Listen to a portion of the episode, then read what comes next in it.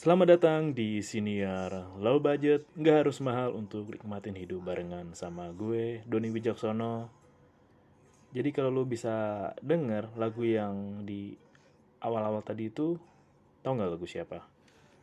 Itu lagu Cat Stephen atau Yusuf yang Father and Son.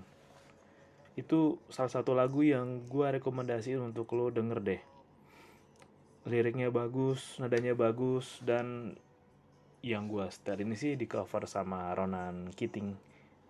Jadi tahun 2009, kayaknya gue nemu lagu ini pas gue lagi SMP deh gue inget deh. SMP gue lu zaman gue itu masih ada O Channel masih ada Jack. Dulu Jack TV zaman gue keren banget ya gue kasih tau ya karena kenapa. Jadi Jack TV itu tiap sore ngadain mm, muter musik video. Kayak Senin Bus Up Monday terus Selasa Selasa tuh long live lokal ya. Rabu itu gua lupa Kamis itu bahasa Inggris Jumat itu rock rock zaman dulu. Sama kayak di O Channel. O Channel Jack TV Antv dulu ada MTV nya. Betapa menyenangkan zaman gue lu bisa denger banyak lagu-lagu bagus video klip bagus berita musisi internasional. Wah pokoknya. Nah salah satunya tahun 2009 berarti kayak angkatannya Ronan Keating terus Muse juga naik. Muse kalau tahu terus Jet Good Charlotte. Udah gak Maroon 5 Adam Levine Levin uh, Linkin Park oke okay lah 2009 berarti Transformers pertama ya. Yang itu ya. 2009 siapa lagi zaman ya? Blink juga masih ada sih kayaknya Blink masih ada deh. Simple Plan, Green Day, ya dulu lagu-lagu gue video ya yang gue tonton video klip gitulah. Dan ya gue pingin ngangkat tema yang father and son. Jadi tadi tuh gue lagi nganterin nyokap gue kan mau mudik. Terus uh, pas gue lagi nungguin sebelum gue nunggu bisnya jalan di samping gue ada nih uh, eh sebelum bis jalan ada ibu turun dari bis. Terus gitu kan dia nyari kayak dia ibu tuh keluar dari bis terus ibu tuh langsung nyari kayak eh sini mau ikut ibu nggak? Gitu kan. Ibu tuh manggil orang ternyata dipanggil tuh lah bapaknya sama anaknya. Nah, bapaknya gendong anaknya gitulah terus kamu mau ikut ibu nggak? Jangan diem aja bener mau ikut ibu nggak? Anak cuma geleng-geleng geleng-geleng bener nggak mau ikut ibu?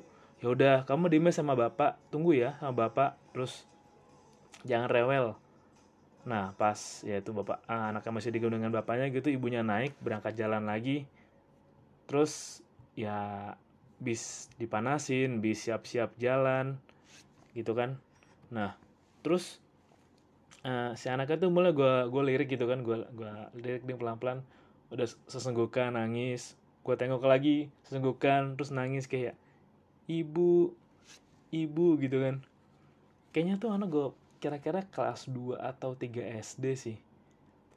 Lu pernah ngerasain gak sih kayak lu mau ditinggal mudik lah sama bokap atau nyokap gitu pas lu masih SD katakanlah masih sebelum kelas 5 atau 4 SD lah. Lu masih inget gak? gue masih inget rasanya sih. Kayaknya emang kalau gue jadi bocah itu gue juga bakal ikutan nangis sih. Kayak nggak mau aja kehilangan nggak mau aja ditinggal walaupun sebentar pasti kayak tidur juga gelisah takut takut banget takut. Gue bisa ngerasain kegelisahan anak itu kayak lo tau gak sih apa yang dirasain ya, anak kecil yang ditinggal ya pamit orang tuanya pergi lah takut ditinggal selama lamanya beneran beneran. Yang dipikiran gue masih inget kok dulu kayak waktu gue kelas 3 4 SD itu uh, ditinggal nyokap gue lah. Pamit gitu kan mudik bentar. Tuh rasanya emang khawatirnya segitunya dan gue gak kebayang sih kalau pas 2020 kemarin lo pasti juga baca kan ada ya di Twitter juga sempat rame ya anak yang harus kehilangan orang tuanya karena covid kedua orang tuanya ada yang nggak bisa ketemu kan. Itu kalau baca sedih sih. Uh, jadi ya cerita singkatnya dalam rumah itu ada yang covid terus bapak ibunya masuk ke IGD anaknya nggak bisa ngelihat karena saat itu kan emang covid tahun 2020 tuh emang lagi wow gila-gilanya sih lagi gila dalam arti yang gila-gila bahayanya tinggi banget ya bahaya banget resiko banget. Dan lu ngebayang rasanya kayak anak itu nggak bisa ketemu orang tuanya karena itu harus diisolasi dan tiba-tiba ditinggal. Itu hancur hatinya gimana ya kayak gue pernah dengar juga kan kalau misal lu ditinggal ibu lu berarti lu kehilangan setengah dari diri lu. Kehilangan orang yang akan selalu mendoakan lu dan mendukung lu. Apalagi kehilangan kedua orang tuanya dalam hal yang nggak bisa diduga. Kayak covid kemarin kan emang nggak bisa diduga tuh.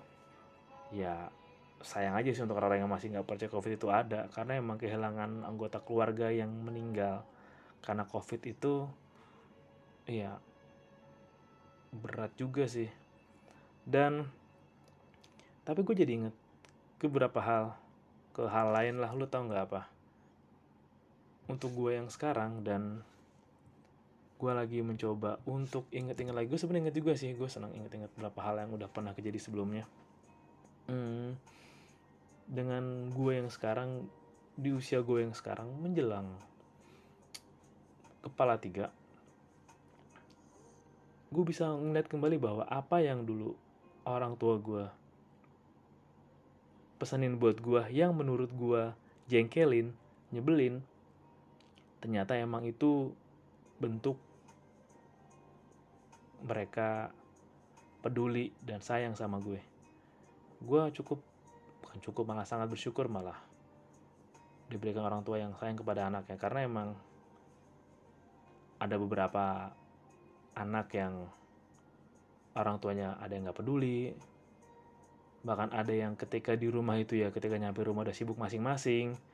Dan terutama gue juga boleh gue juga baru inget lagi sih ternyata tuh pas mulai SMA itu SMP SMA deh pelan-pelan komunikasi antara anak dan orang tua itu udah mulai terjadi jarak. Dan itu emang di psikologi ada jadi tuh kayak namanya ya lu udah mulai kenal peer group udah mulai kenal dengan teman sebaya jadi rasa trust lu lu membuka diri dan lu mengenal diri lu itu emang didapat dan membentuk diri lu juga. Itu didapat dari teman sebaya lu dan ya pasti lo ngerasa bahwa ketika lo udah mulai SMP dan terima kasih buat lo yang gue tadi lihat statistik di Anchor sih.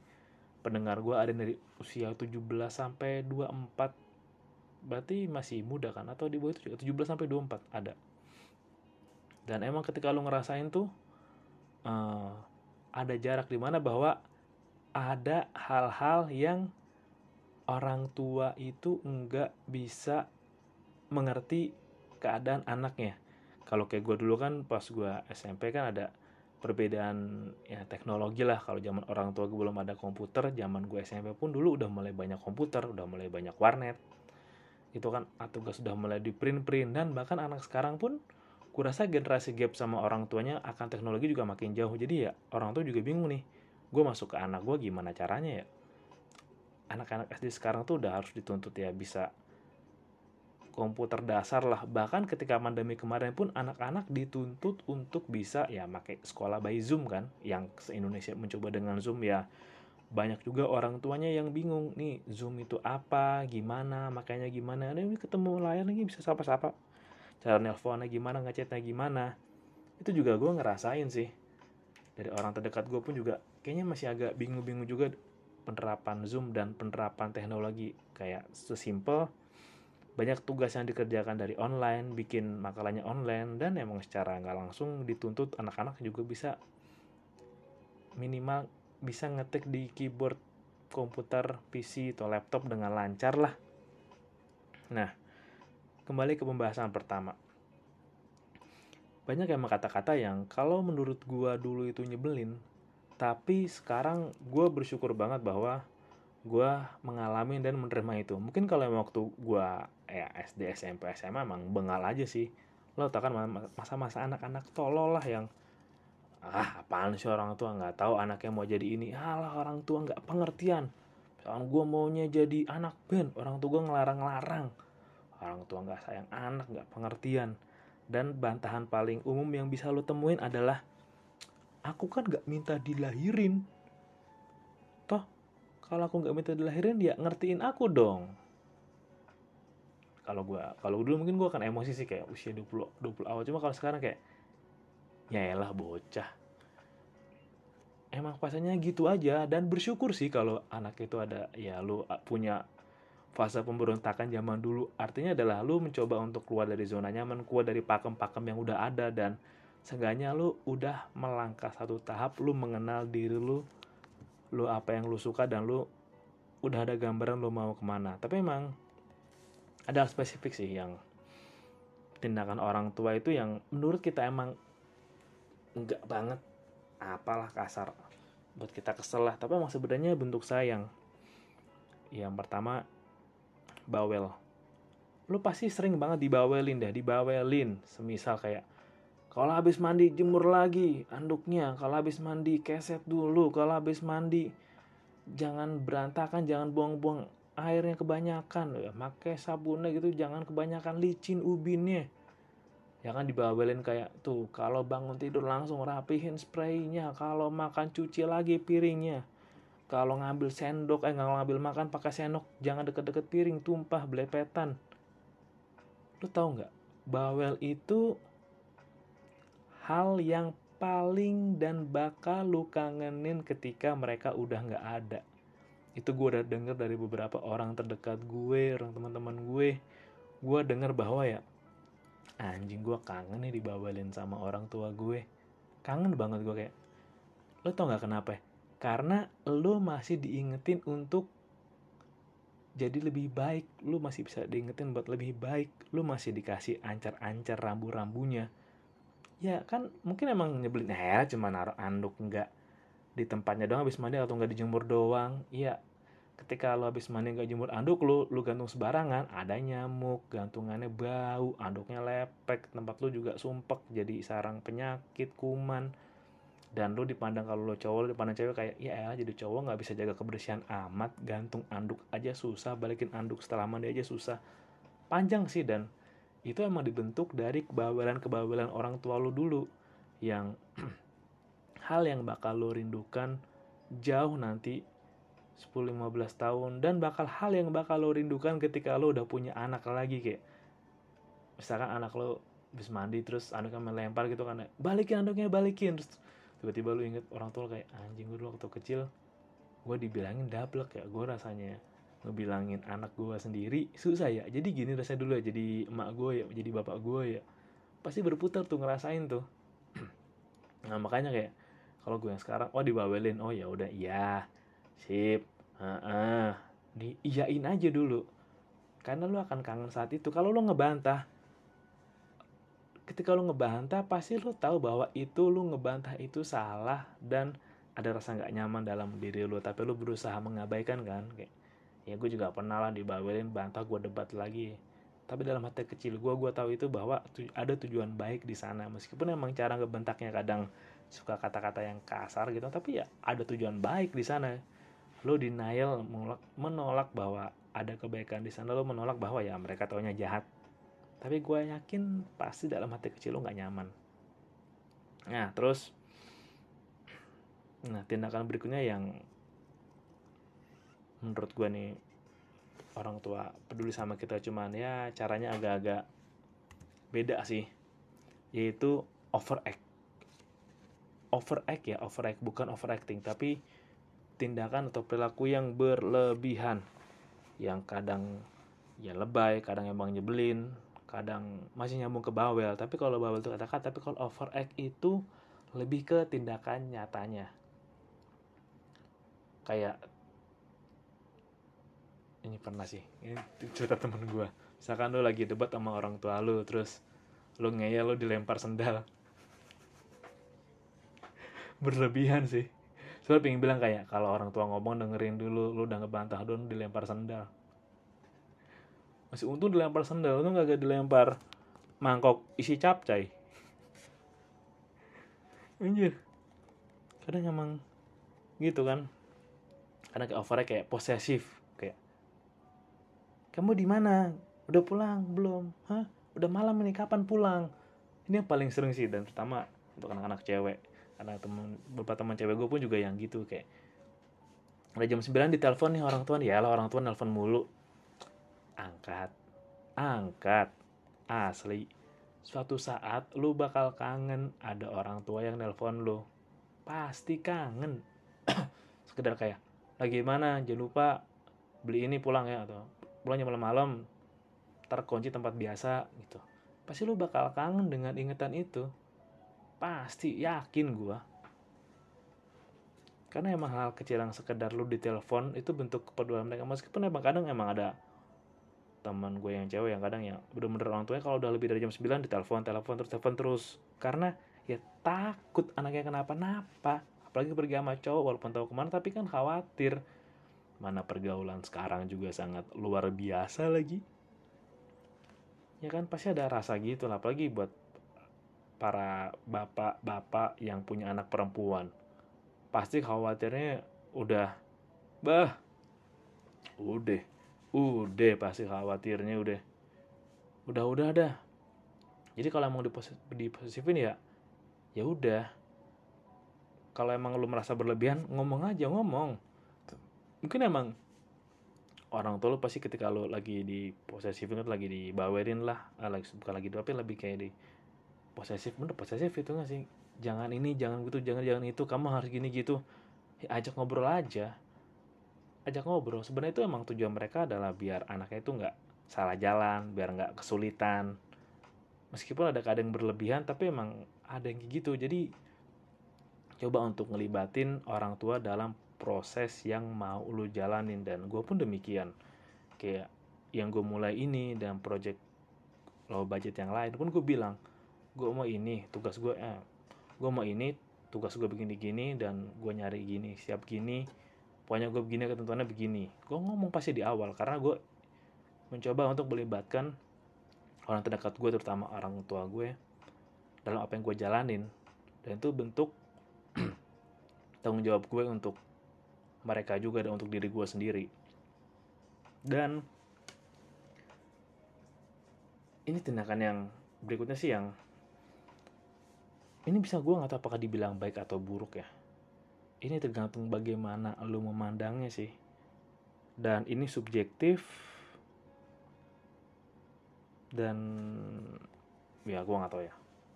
Ini baik atau enggaknya gue kembalikan sama lo sering kali orang tua kayak bilang ke kita kayak udah terima aja.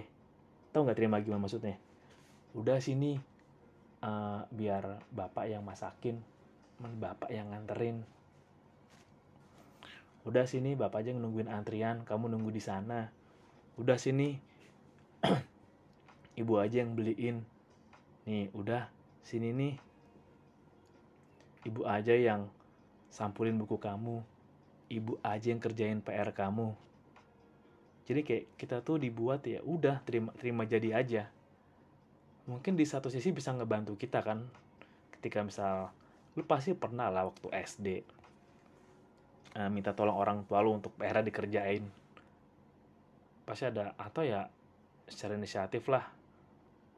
Orang tua lu mau ngerjain PR lu aja ngerjain aja PR mungkin dengan enggak yang nulis ya hitung-hitungan lah ya. Karena kalau nulis kan ketahuan bedanya tulisan orang dewasa dan anak-anak. Ya kan pasti kayak kita lebih biasa dimanjain dilayanin lah. Karena kenapa? Karena emang gak mau lu panasan gak mau lu capek dan emang ini cukup beresiko sih karena di satu sisi memanjakan tapi di satu sisi juga jadi privilege terutama buat lo yang orang punya yang dari punya akses yang baik punya hmm, apa fasilitas yang baik. Ini emang gak bantu lo untuk lebih mudah dapetin apa yang lo mau sih dan lebih mudah ketujuan lo Meskipun memang kelemahannya adalah lu jadi nggak punya pengalaman secara langsung, sudut pandang lu nggak luas dan lu lebih fragile. Karena emang orang yang dibentuk di lapangan dengan orang yang dibentuk di belakang meja itu dua hal berbeda sih. Orang yang lapangan kan yang tahu keadaan lapangan gimana, bisa kebentur, kena panas, kesenggol, ya kedorong dan lain-lainnya kan pasti tahu di yang di belakang meja yang tahunya duduk kertas ngerjain duduk kertas ngerjain pasti beda banget deh dan yang terakhir tindakan yang ya bentuk saing itu marahin. Kalau zaman gue kalau nilai gue jelek gue dimarahin. Kalau guru marahin gue karena gue bandel gue ini marahin zaman sekarang kebalikan dan gue nggak tahu kenapa udah bisa bahkan angkatan-angkatan gue yang orang tua milenial pun kok bisa ya ketika anak yang salah di sekolah terus orang tuanya ke sekolah belain anaknya padahal anak yang salah gitu. Gurunya negor tapi gurunya yang di, jadi disalahin. Nggak tahu sih. Kalau menurut gue kayak uh, kan lagi rame tuh generasi strawberry lah. Generasi mochi mungkin kelihatannya manis gitu kan. Kenyal-kenyal bikin ngenyangin. Pas ditekan lembek. Atau generasi bakpao strawberry lebih masuk akal sih dibanding mochi. Yang kelihatannya keras empuk ditekan ternyata kenyal. Tapi emang gitu kayak dimarahin itu bagus karena emang di real life pun lo harus siap dimarahin. Entah karena di jalan lo dimarahin orang karena lo berbuat salah. Entah karena di pekerjaan lo berbuat salah lo harus tanggung jawab. Entah misalkan lo lagi bisnis atau usaha lo salah supplier rugi atau vendor lo rugi lo harus terima dimarahin lo harus terima lah. Gue juga gak ngerti kalau pasti suka ada orang tua anaknya kayak misalkan anaknya jatuh uh temboknya jahat. Anaknya kejedot ubin uh ubinnya jahat gitu kayak ya mengalihkan anak dari masalah yang seharusnya. Dan kalau kebiasaan ini bertumpuk ya jadi anak itu punya kebiasaan.